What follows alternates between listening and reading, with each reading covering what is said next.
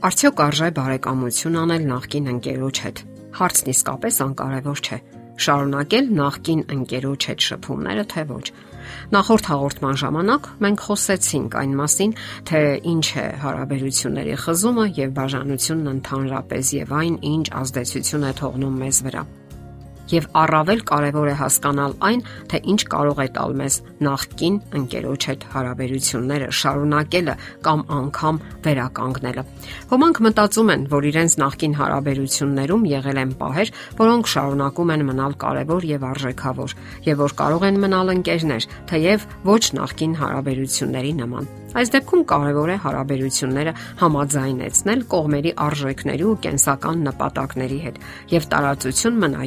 յուրաքանչյուրի անձնական աճի համար։ Եթե նախկին ընկերները ընդունակ են հարգալից վերաբերվել միմյանց եւ շփման մեջ առողջ սահմաններ պահպանել, ապա իսկապես հնարավորություն կա դառնալու հիանալի բարեկամներ։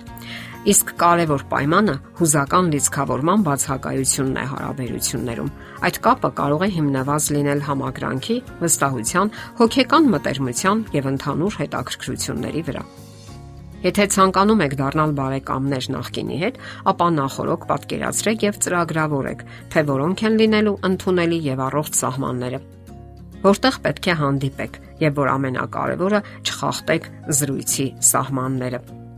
ինչ եք զրուցելու, ինչ թեմայով։ Իսկ եթե դուք նոր ընկերություն ունեք, արդեն շփման հարցը բնականաբար կարող է ընդհանրապես համվել, եթե ներկա ընկերոջը դա դուրս չի գալիս։ Հարցն այն է, թե ինչ արդյունքներ եք ցանկանում ստանալ դուք այդ հարաբերություններից։ Չպետք է մոռանալ, որ նույնիսկ բաժանությունից տասնամյակ անց կապվածության հանգույցները կարող են արթնանալ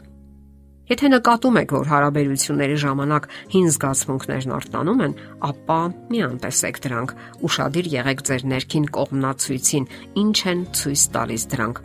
Ինչքանով է հետաքրքիր կամ տհաճ այդ շփումը, ինչ է տալիս այն ձեզ, ինչպես եք զգում հանդիպումից հետո, եւ ոչ մի բռնություն պետք չէ գործադրել սեփական անձի հանդեպ, համաձայնվելով տհաճ կամ անհարմար շփումների միայն այն բանի համար, որ չվիրավորեք դիմացինին Շատ կարևոր է գիտակցել, թե ինչպես են այս կամ այն հարաբերությունները ազդում մեր հուզական վիճակի եւ կյանքի որակի վրա ընդհանրապես։ Հնարավոր է նաև այն դեպքը, երբ կողմերն ունեն ընդհանուր երեխա կամ երեխաներ։ Այս դեպքում բարեկամությունը պարտադիր չէ համատեղ դասերակցության համար։ Հնարավորության դեպքում արժե պարզապես համագործակցել եւ լինել լավ ծնող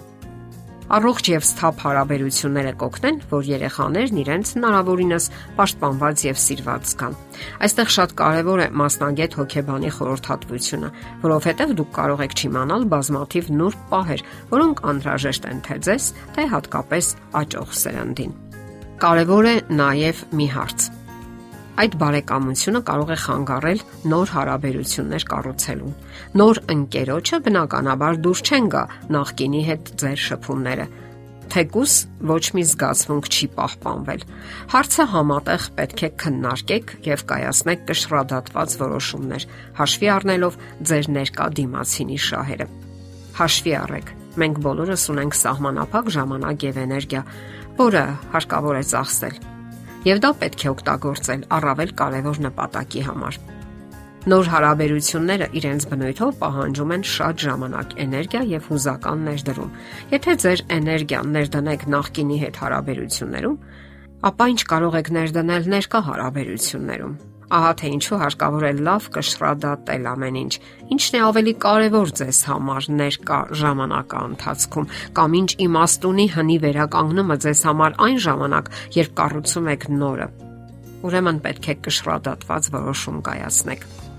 Կա նաև հարցի մյուս կողմը։ Իսկ եթե ձեր նախկինը նույնպես ցանկանում է նոր հարաբերություններ ստեղծել, ինչ կզգաք այդ դեպքում դուք կամ նա